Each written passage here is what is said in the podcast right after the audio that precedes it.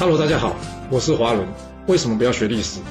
因为学历史会让你了解到顶层阶级的思考方式，成为他们的竞争者，所以他不希望你去学。还有学历史会让你看到许多前人成功及失败的案例，你的竞争对手想要好好的睡个觉，所以他也不希望你去学。最重要的是，学历史会让你了解人性，你的老板以及同事都希望你保持天真的心，所以他们更不希望你去学。就是因为这些原因，接下来我要跟你说的是故事，而不是历史。今天的主题是啊，利益有冲突就必须小心。我们刚刚在春秋第九世纪的故事中有讲到，公子光在伍子胥的建议下，逐步将吴王僚身边大臣一个一个给调离，以便进行他的行刺计划。其实别说争夺王位是这样，平常在办公室不是也一样吗？要是你没弄清楚谁是协助你工作上不可或缺的角色，而谁又是你潜在的竞争对手，那吴王僚的故事啊，就很有可能发生在我们身上了。这冲突的发生呢，很多都是因为彼此利益不一致。比方说，一个主管的位置，若是你晋升了，那不就等于别人没有机会了吗？那有机会坐上这个位置的候选人，是不是已经不知不觉的成为了潜在的竞争对手？要知道。就算你对这个位置没兴趣，也表示过没兴趣，但只要你存在了一天呢，你的潜在对手他就没有办法有一天能安心。又或者是说呢，公司目前经营困难，老板可能为了要遵节成本的进行裁员，那谁该留下，谁该走，这是不是也有利益上冲突呢？因为环境一直会变的，所以同事之间是不是有利益冲突的问题啊？也可能随时因为环境的改变，我们不见得要去陷害别人了。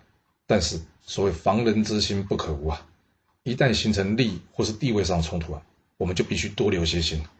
很多事情的发生呢，并不是巧合，而是别人的精心设计啊。好比今天故事中的吴王僚吧，他要是多留心点呢，他就会知道，之前的公子光啊反对讨伐楚国，但却在楚国办丧事的时候啊，他建议出兵攻打楚国。虽然这理由上听起来很合理啊，但是有没有这么巧？公子光就因为受伤无法领军，接着这吴军战事危急，这公子光就算是受伤不适合领兵打仗啊，那有没有可能派他去出使呢？而不是把身边保护自己的重要人给调出去，或是给支开吧？而更重要是什么？这公子光喜欢美食吗？